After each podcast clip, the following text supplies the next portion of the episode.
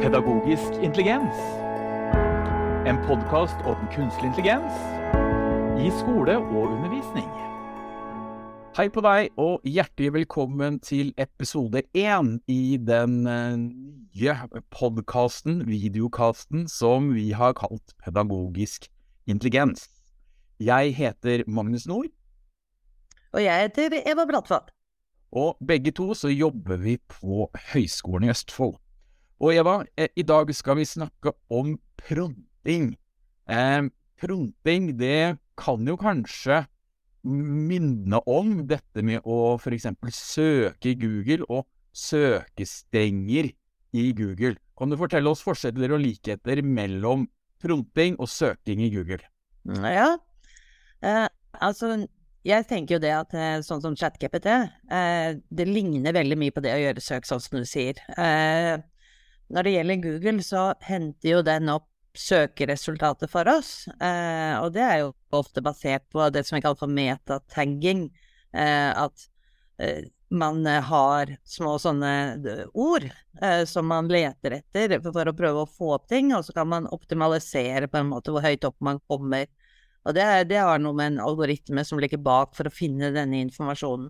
Og da vet du at eh, jo flinkere du er til å søke, altså gjøre gode søk, jo bedre søkeresultater eh, får du som resultat. Eh, men du får det jo på en liste. Du får én og én kilde, for å si det sånn, nedover. Eh, det som eh, ChatGPT gjør, det er på en litt annen måte. Eh, den prøver å finne et mønster i en stor mengde data. Og for å forklare litt grann hvorfor det er så viktig da å ha en kontekst når du skal ha ut informasjon fra ChatGPT, så pleier jeg å sammenligne med en fargehandel. Sånn, hvis du går inn i en fargehandel, og du sier til han bak disken at eh, jeg skal ha maling, eh, så kan det kanskje være litt vanskelig for han som står bak disken, å finne akkurat det du er på jakt etter. Men hvis du setter på litt kontekst, for eksempel at eh, fordi jeg skal male huset mitt utvendig, for da er det en helt annen type maling enn om du skulle ha malt en list inne, eksempel, eller om du skulle malt et maleri, for den delen. Eh, da er det kanskje oljemaling du skal ha for å ha på utsida av huset. Og så, eh, i tillegg, så har det jo noe med mengden å gjøre. Det er klart det at du vil trenge mye mer enn maling for å male et hus utvendig enn å male en vegglist inne.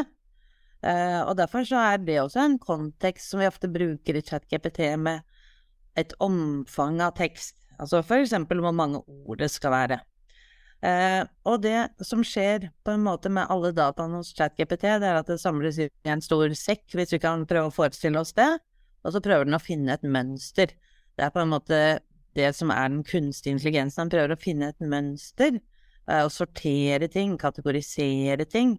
Og inne i fargehandelen så ville det jo vært sånn at Eh, man kan finne mange ulike typer mønstre hvis man samla alle malingsspanna der eh, i en haug. Eh, kanskje hadde de sortert etter farge, eller etter type, eller etter størrelse på spannet. Og det er derfor vi i ChatGPT også må på en måte være litt mer presise, sånn som med huset og uh, utvendig. Uh, uh, for da er det mye enklere for den å finne på en måte det som kan passe da, inn. For det er jo ikke alltid at disse mønstrene som finnes av kunstig intelligens, gir mening for oss. Hvis vi holder oss til fargehandelen din, da, så er det jo sånn at hvis jeg er i, skal inn i en Google-fargehandel, så må jeg på en måte gå inn, og så må jeg stille alt jeg ønsker å stille den som hjelper meg i fargehandelen med, på én gang. Altså jeg må skrive hele spørsmålet mitt på én gang. Men hvis jeg har forstått det riktig, så er det jo sånn i ChatGPT at der kan jeg ha en konversasjon med han som skal hjelpe meg i farvehandelen. Ja, fordi at da kan du på en måte spørre opp igjen, og det som også er forskjellen her, da, det er jo det at den tar jo alle dataene og så presenterer det på en måte samlet for deg. Og det er jo fordi at eh, den også bygger på en språkmodell i bakkant, eh, som eh, gjør at den klarer å på en måte lage setninger som kan gi en viss form for mening. Eh, og så vet vi jo, både du og jeg, etter at vi har lekt oss ganske mye inni her, at det er ikke alltid kanskje at det gir like mye mening uh, uansett. Da. Og det er her denne treningen av, uh, av, denne kunstige intelligensen kommer inn, da, hvor vi kan si at ga dette mening? Nei, det ga ingen mening med en tommel ned. Eller vi kan si ja, dette ga en mening med en tommel opp. Det er jo på den måten kunstig intelligens lærer ved å få uh, belønning eller straff. Du sa et ord inn der som jeg er ikke helt sikker på om alle kan. Språkmodell. Kan du Ja. fortelle hva en språkmodell er? Eh, nei, det handler mye om at eh, man eh, på en måte prøver å, å skape en mening ut av dataen, da, for datamaskinen er jo egentlig dum i utgangspunktet, ikke sant. Det er jo ikke noe intelligens sånn som vi tenker menneskelig intelligens, at vi kan tenke selv, at vi kan forstå ting. En datamaskin eh, behandler på en måte bare dataene som er inni der, og da er det jo om å gjøre å finne prøve å, å forstå hvordan språk er bygd opp, og hvordan språk henger sammen. Eh, både med syntaks og ord som hører til hverandre, ord som ligner på hverandre. Og dette er kjempevanskelig eh, for eh, programmerere og datamaskiner å forstå, men vi kommer veldig fort der eh, eh, til eh, Eller kommer veldig fort nærmere. Og hvis du husker litt sånn eh, oversettelser for ikke så veldig mange år siden, Magnus, eh, kunne jo dukke opp med litt av hvert når den skulle oversette fra norsk til engelsk, eller eh, omvendt eh, eh, også. Jeg vet jo ikke hvor mange ganger jeg har sett at eh, ordet account, som i at man at, at noe skal telle, for eksempel, eller sånne type ting, at det ofte ble oversatt med regnskapsfører, og så plutselig dukket eh, en regnskapsfører opp midt i en setning, eh, helt liksom uten mål og mening. Og det var fordi at den oversatte ord for ord. Og det man prøver å gjøre med språkmodeller, det er jo å, at eh, selve liksom eh, ordene i seg selv skal skape en form for mening for datamaskinen, selv om den ikke forstår det som står der. Blir det Det er komplisert. blir det en prediksjon der på en måte eh, datamaskinen regner ut sannsynligheten for hva neste ordet blir?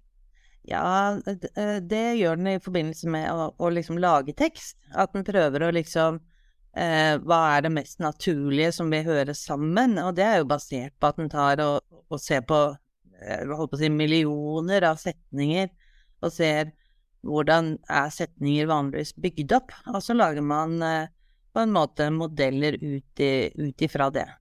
Eh, så store, men tilbake til liksom den store forskjellen på det å gjøre søk og, og en kunstig intelligens, det er det her at med søkene eh, så får vi opp mange kilder under hverandre, og så må vi gå inn på hver av de kildene og, og prøve å finne ut hva er det som er relevant, hva er det troverdig, hva er det som er egnet av det innholdet som eh, vi ser der.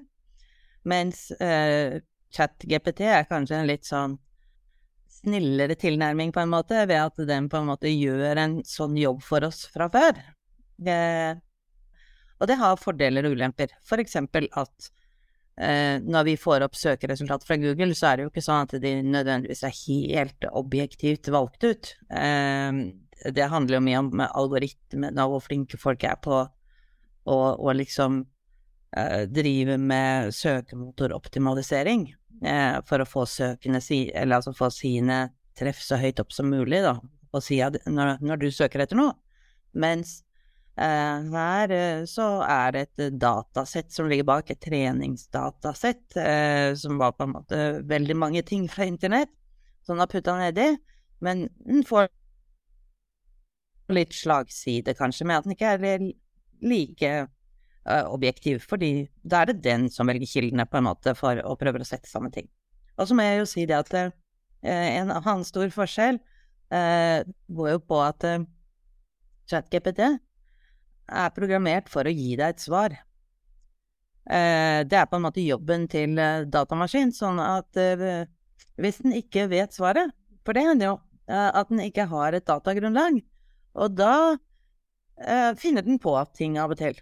Eh, fordi at eh, jobben er å gi et svar, koste hva det koste vil, sant eller usant. Eh, det spiller ingen rolle. Så det er jo også noe å, passe litt på.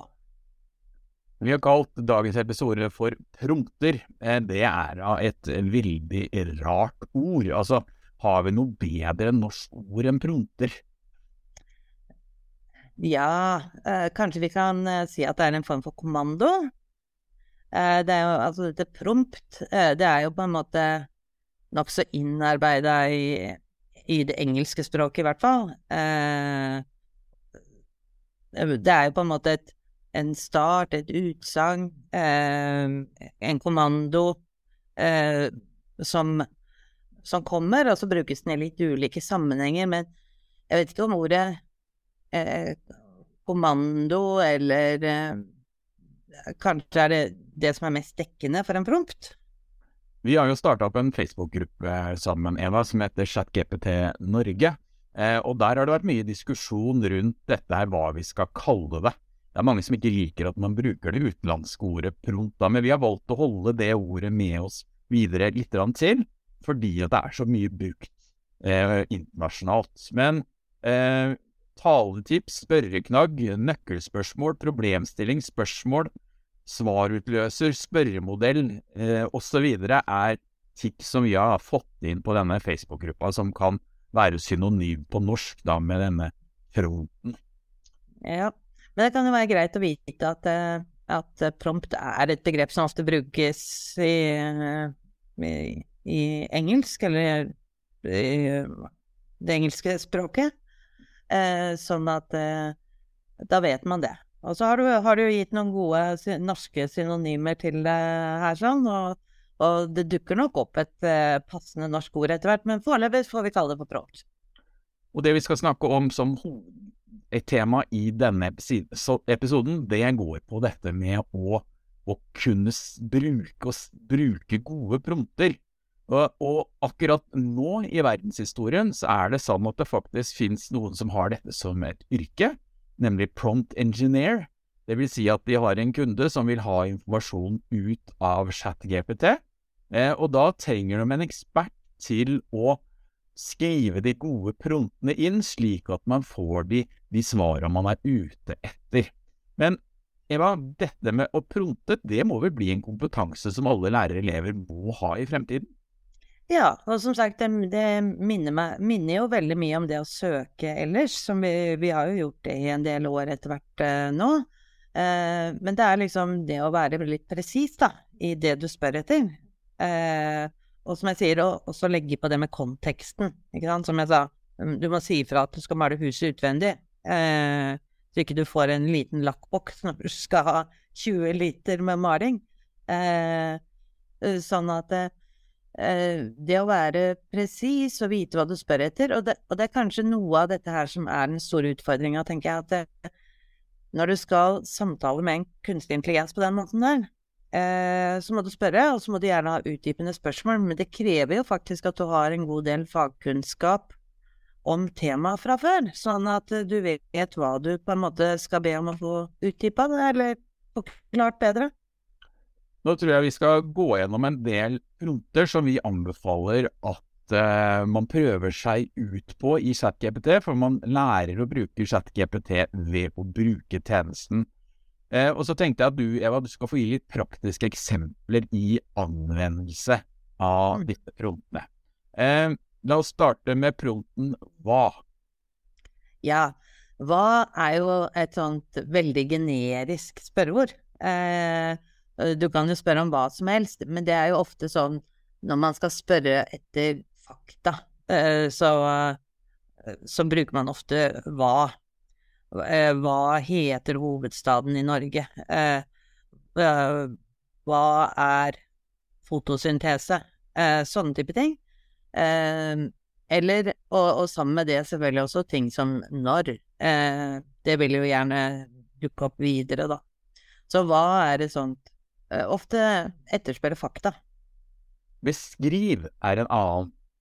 Ja, og, og, det er en litt annen måte å tenke det på. Altså beskriv og definer eh, kan jo være nokså like, men også samtidig veldig forskjellige. For eksempel hvis du ønsker å, å beskrive en solnedgang. Eh, ikke sant? Beskrive en solnedgang i ord, hvis du ikke er så poetisk selv, kanskje.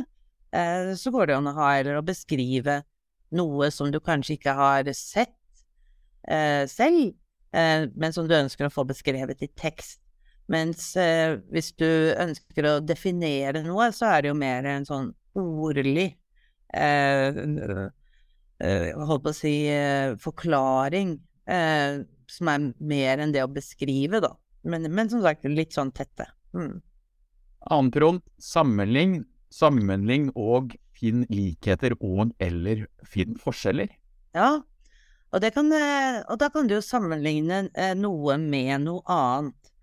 Eh, det som jeg ser her, det er jo at hvis du skal sammenligne et tall med et annet, så kan man jo finne ut om de er like eller større enn eller mindre enn hverandre.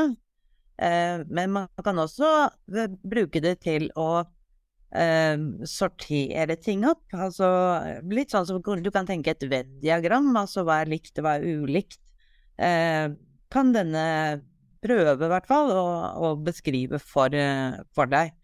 Det som er ellers med å sammenligne, handler jo veldig mye om etter hvilke kriterier du ønsker å sammenligne noe på. Eh, hvis vi tenker på den malingen igjen, da, i fargehandelen, eh, så, så, er det sånn at vi kan jo si at sammenligne et merke med et annet merke, men spørsmålet er jo basert på hvilke kriterier. Er det eh, på pris, er det på kvalitet, er det på type maling, er det på eh, farge? Eh, altså, hva, hva, skal legges til grunn for det kriteriet? Og det tror jeg det er mange som ofte glemmer, da, at når du skal sammenligne to ting, så må du på en måte vite hva kriteriet for sammenligningen er. Eh, og det er klart, du kan jo spenne litt bredt her også, si sammenligne det ene med det andre. Sammenligne en, en Mac med en PC, for eksempel. Uh, og så vil du få opp uh, noen punkter, og så kan du jo be om å få utdypa det videre etterpå.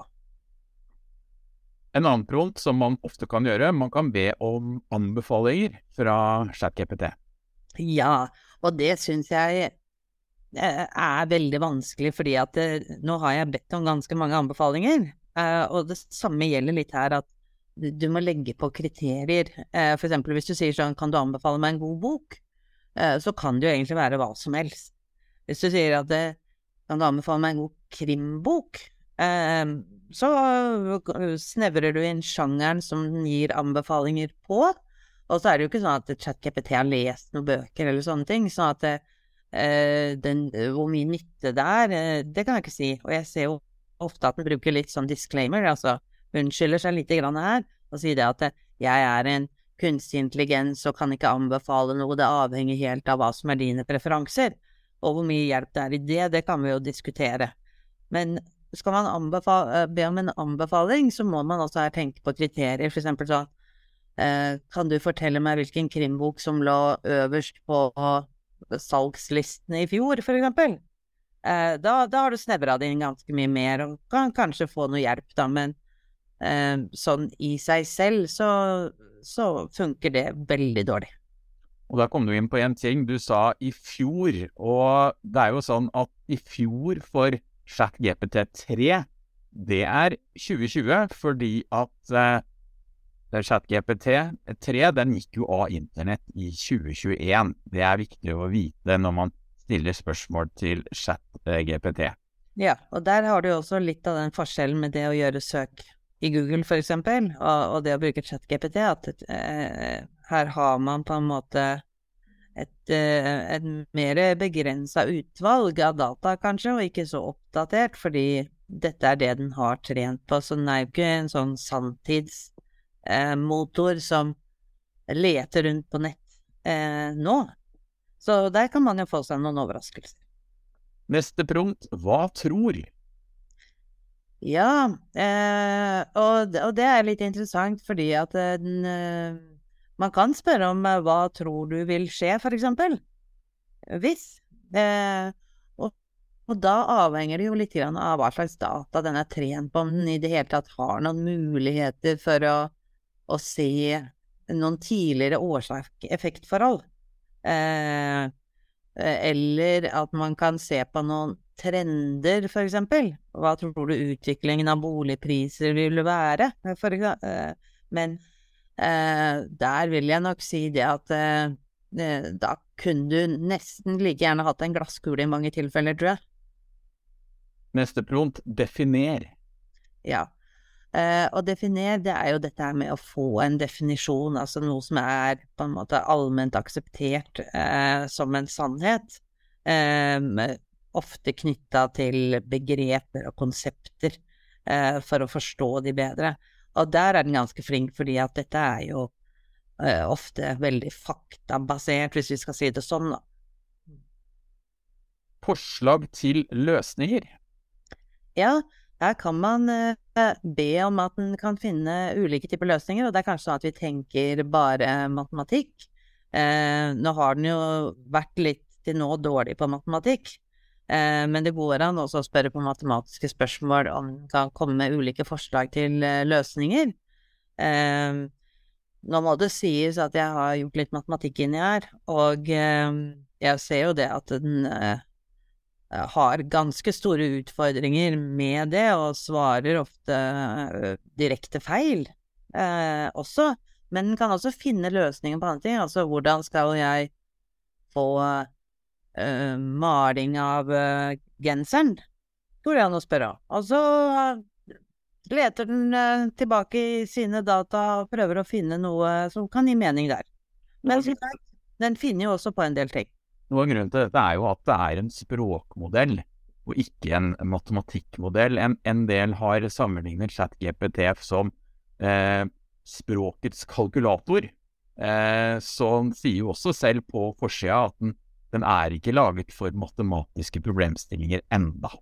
Nei da, og, og det som er litt påfallende, er jo at den den matematikken den takler, det er faktisk ikke veldig mye. Eh, den eh, klarer ikke helt Selv helt enkle ligninger eh, har jeg sett at den har hatt problemer med.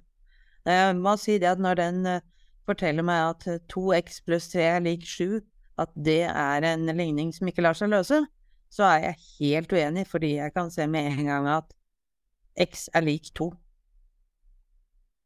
En prompt han er veldig god på, det er skriv en tekst. Ja, og det er kanskje her de aller fleste er mest bekymra.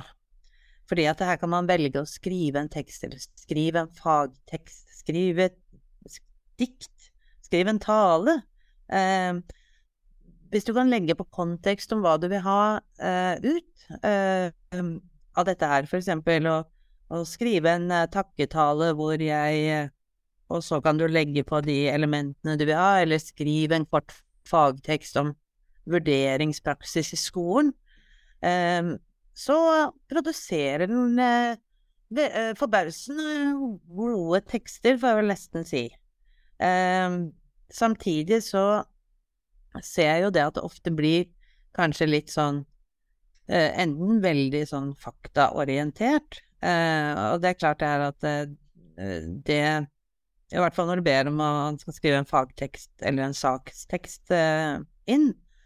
Eh, men den er ikke så flink til å kanskje reflektere, da må du spørre den ut litt mer eh, underveis her. Men det å for eksempel, hvis du har litt sånn writers block, eller liksom sånn eh, Skal vi skrive en, eh, skrive en kriminalroman, for eksempel, Magnus, så kunne jo vi ha lagt inn at eh, at en kan uh, skrive en, uh, starten på en, uh, hva skal vi si, en psykologisk thriller med tema Ja, hva ønsker du å ha som tema, Magnus? At roboter overtar verden? Eller at kunstig intelligens tar overtaket? Og da vil den på en måte produsere en start på en tekst, som kanskje kan bli en roman etter hvert, men vi får se om vi får tid til, tid til den. Og vi har også muligheten til å Jeg tror ikke han er helt på nivå med å skrive en roman ennå, men der er jeg helt sikker på han kommer. Eh, jeg venter f.eks. veldig på at han skal kunne generere en ny Harry Potter-bok til meg. Men vi kan jo også det motsatte, Eva, at han eh, faktisk fullfører. Altså, vi har nesten skrevet ferdig. Eh, og så ja. kan vi be han skrive en happy ending uten at noen dør, men med en spennende vri osv. Ja da, og den kan også skrive en hel del andre ting. For eksempel så la jeg inn en, en artikkel i går eh, og eh, sa det at lag refleksjonsspørsmål til denne teksten. Og da, da skriver den det. Nå syns jeg kanskje ikke at de spørsmålene var helt på topp som jeg fikk servert som mulige svar, men det kan gi deg på en måte noe hjelp til å komme videre eh, når du står litt fast, eller for å få en, eh, som du sier, en avslutning, eh, eller hvis du underveis trenger å få med liksom noen andre typer elementer. Men eh, det krever nokså mye menneskelig bearbeiding ennå, tenker jeg da. Neste prompt, generer ideer. Ja, og der går det jo an å, å be blindt, altså å generere ideer om noe. Eh, om det er eh, titler på bøker eller eh, noe annet. Eh, så, så åpner den ganske fritt der. Neste, som er relativt lik, gi eksempler. Ja, ikke, eh, ikke, så lik egentlig, fordi at det med å generere ideer handler jo mer om en sånn eh, kreativ prosess, mens gi eksempler er jo mer uh, at en skal forklare uh, noe gjennom å gi eksempler. Uh, og det kan jo være Jeg har prøvd å stille litt spørsmål rundt dette med vurderingspraksis. Og jeg ser jo det at jeg har ofte da bedt om sånn skrive en kort fagtekst om vurdering. Og så har jeg da Og da skriver den for eksempel sånn ja, da er det viktig å gi gode tilbakemeldinger. Eh, og så tenker jeg at eh, det er kanskje ikke så mye hjelp i å bare si sånn gi gode tilbakemeldinger. Eh, for da må du faktisk vite hva en god tilbakemelding er, og kunne gjenkjenne. Og da har jeg prøvd å skrive litt sånn gi eksempler på gode tilbakemeldinger. Men også her så må du da ha veldig mye sånn kontekst, f.eks. for eksempel å sette opp at eh, dette er oppgaven, hva vil være eksempel på en god tilbakemelding? Men det krever likevel fagkunnskap, da, for du må kunne vurdere om ok, ja, kanskje får en idé og tenker at eh, det kan funke, men det kan like gjerne være at du tenker at eh, dette er ikke egentlig helt hva jeg ville kalle en god tilbakemelding, kanskje. Eh, så eh, det er ikke sånn at eh, det er ikke noe dette er ikke noe orakel, dette er som vi finner her. Vi må ha ganske mye kritisk sans når vi jobber med det. Refleksjon er jo ofte noe vi ønsker at elevene skal utvikle i skolen, og neste prompt er finn argumenter for og mot, eksempel. Ja, og jeg tenker jo litt grann det her at da det å finne argumenter for og finne argumenter mot, er en sånn fin øvelse. Og jeg tenker at det er ikke så gærent å be ChatGPT om å finne argumenter for og mot i en sak. For, for og mot eh, utbygging av vindmøller kunne vi ha tenkt oss. Og da, da vil den komme med en del eksempler som du da igjen kan bruke for å lage eh, Ta utgangspunktet for en argumenterende tekst, eller for å skrive et debattinnlegg, eh, for eksempel.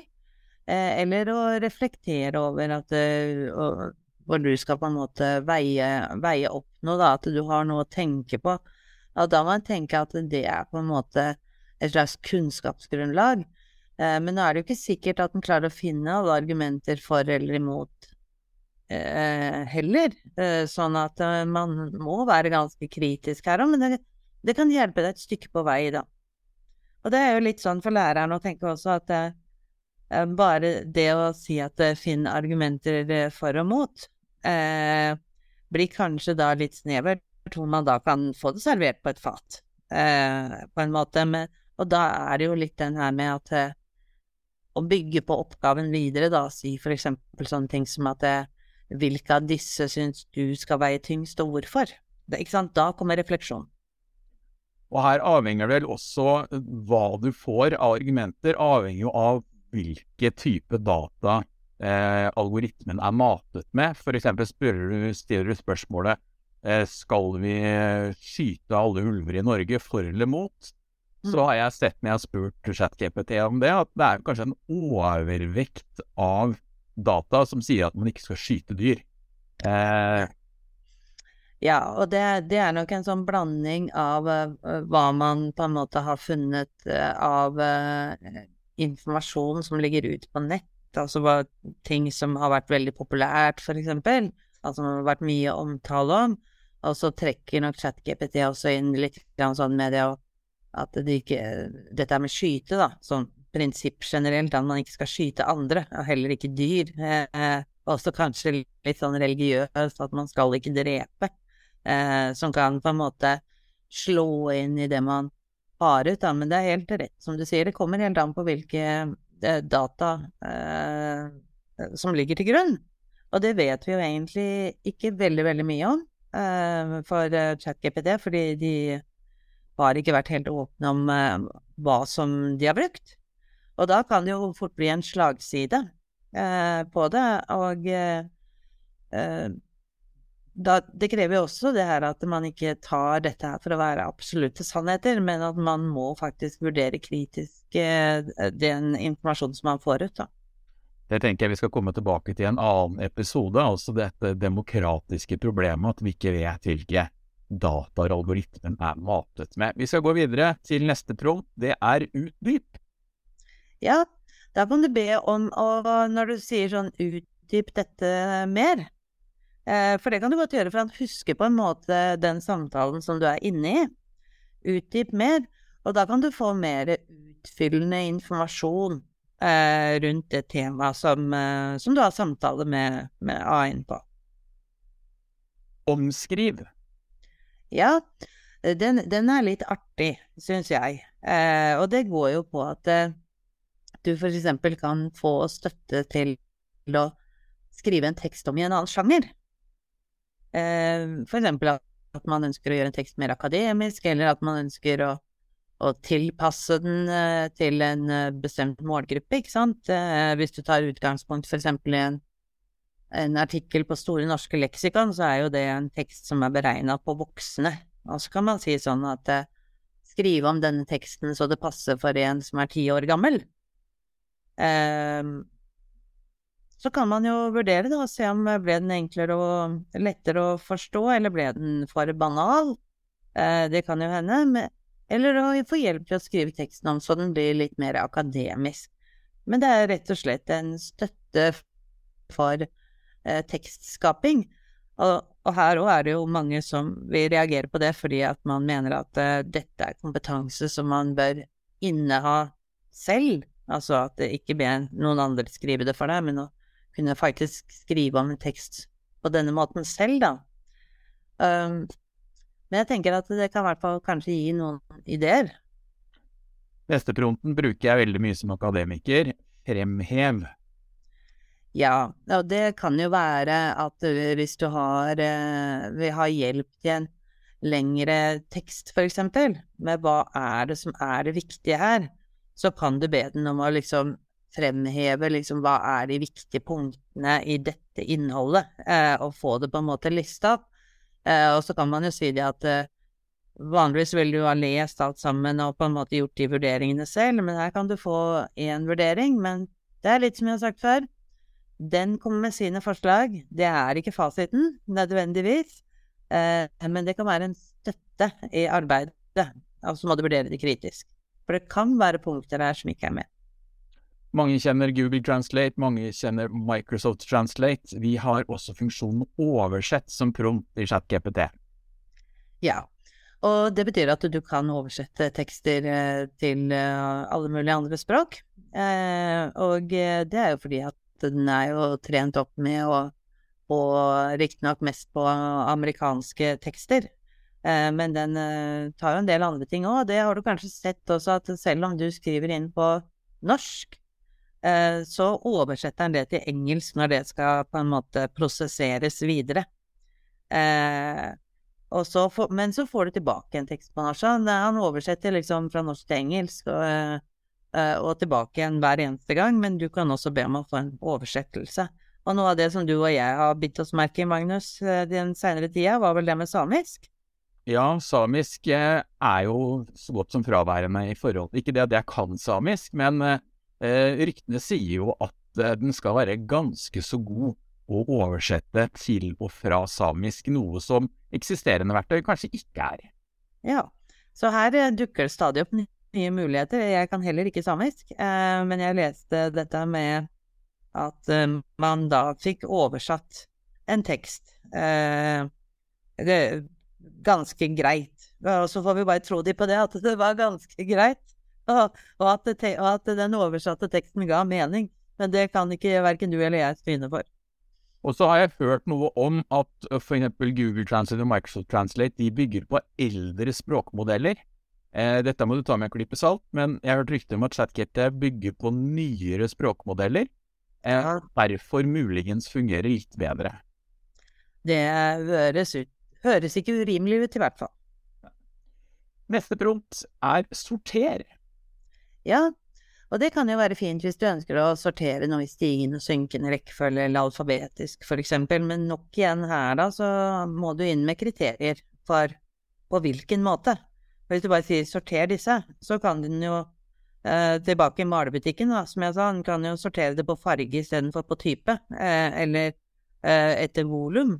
Eh, sånn at det går, det går, an å sortere på veldig mange ulike måter, men eh, hvis du gir kriterier på hvordan det skal sorteres, så, så klarer han det stort sett ganske greit. Så kommer til prompten som jeg som dyslektiker setter aller, aller, aller mest pris på. Rett tekst. Ja, og her eh, har du jo liksom to nivåer av eh, det å rette en tekst. Det ene er jo at den kan gjenkjenne skrivefeil og rette opp de.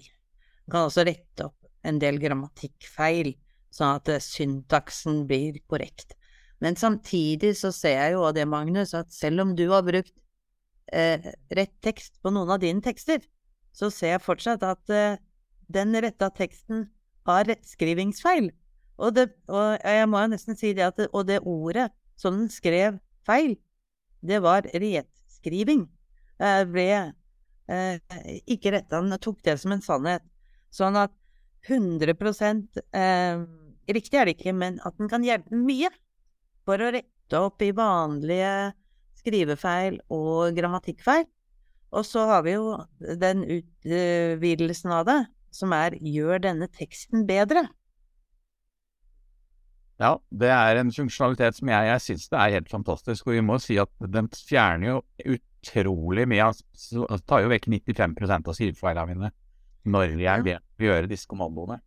Ja, og jeg tenker at uh, det, det, er en veldig flott støtte og, og, kommer til å være til hjelp for veldig, veldig mange. Fordi man da kan levere bedre tekster. og det ikke nødvendigvis bare i skolen, for nå går jo ikke du på skolen lenger, Magnus. Uh, du jobber med skole og i skole, men, men du er jo ikke en elev sånn sett. For mange mener jo at elever må på en måte kunne gjenkjenne og klare å rette opp i dette på egen hånd. Men jeg tenker det at også for deg som er dyslektiker, å skrive en søknad om noe, eh, bare det å kunne da få retta opp en tekst og få den bedre sånn at den eh, gir mer mening for mottakeren også, er en stor styrke. Jeg tror vi skal komme tilbake en helt egen episode om litt om akkurat det. Ja. Fronten det er også en som delvis akademikeren Magnus og dyslektikeren Magnus setter veldig stor pris på. For innenfor forskning så skal vi gjennom veldig mye artikler, og jeg elsker fronten skriv sammendrag. Skriv sammendrag. Ja, og det er jo litt grann for å på en måte gjøre det arbeidet litt lettere, da.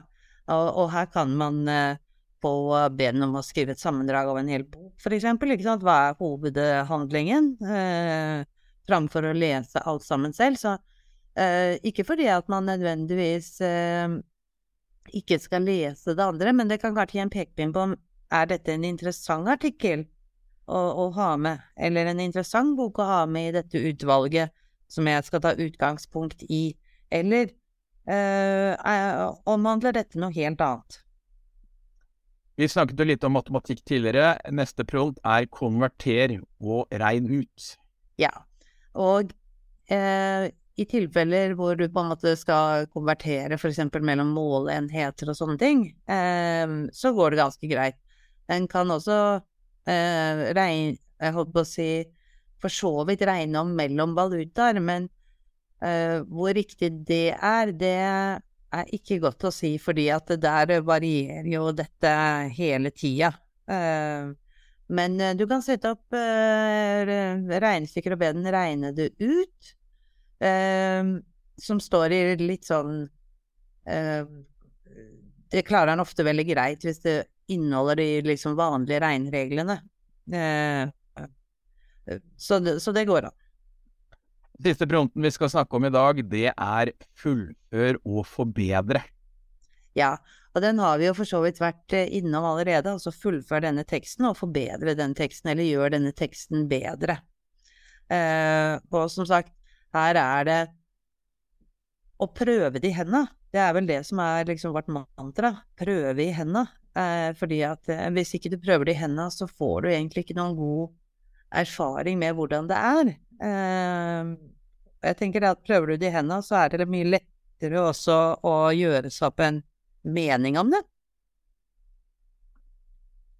Til slutt, da skal vi avslutte dagens episode. Vi kommer snart plutselig tilbake med neste episode. Men det vi må fremheve nok en gang, selv om vi har sagt det flere ganger, Eva, det er at vi må huske på kontekst og skrive eventuelle begrensninger på den teksten vi vil ChatGPT skal produsere. Det stemmer. Eh, husk på å ta inn konteksten, for ellers blir det veldig vanskelig. Og selv om du da starter litt rett, så går det an å fortsette på en måte samtalen med å forklare mer, eller utdype dette, eller og, du, og, man kan også be den om et sammendrag, selvfølgelig, til slutt uh, i det her, da. Og så tenker jeg at det er også viktig å tenke dette er ingen fasit, men det kan være en god støtte til å innhente mye informasjon. Da håper vi vi har gitt deg noen tips til pronter du kan prøve ut selv, eller la elevene dine pronte ut, for å få de svara som er på en måte det vi kan få ut på best mulig måte da, av ChatGPT. Ja, ikke være så redd for det, men samtidig være kritisk. Vi ses i neste episode av Pedagogisk intelligens.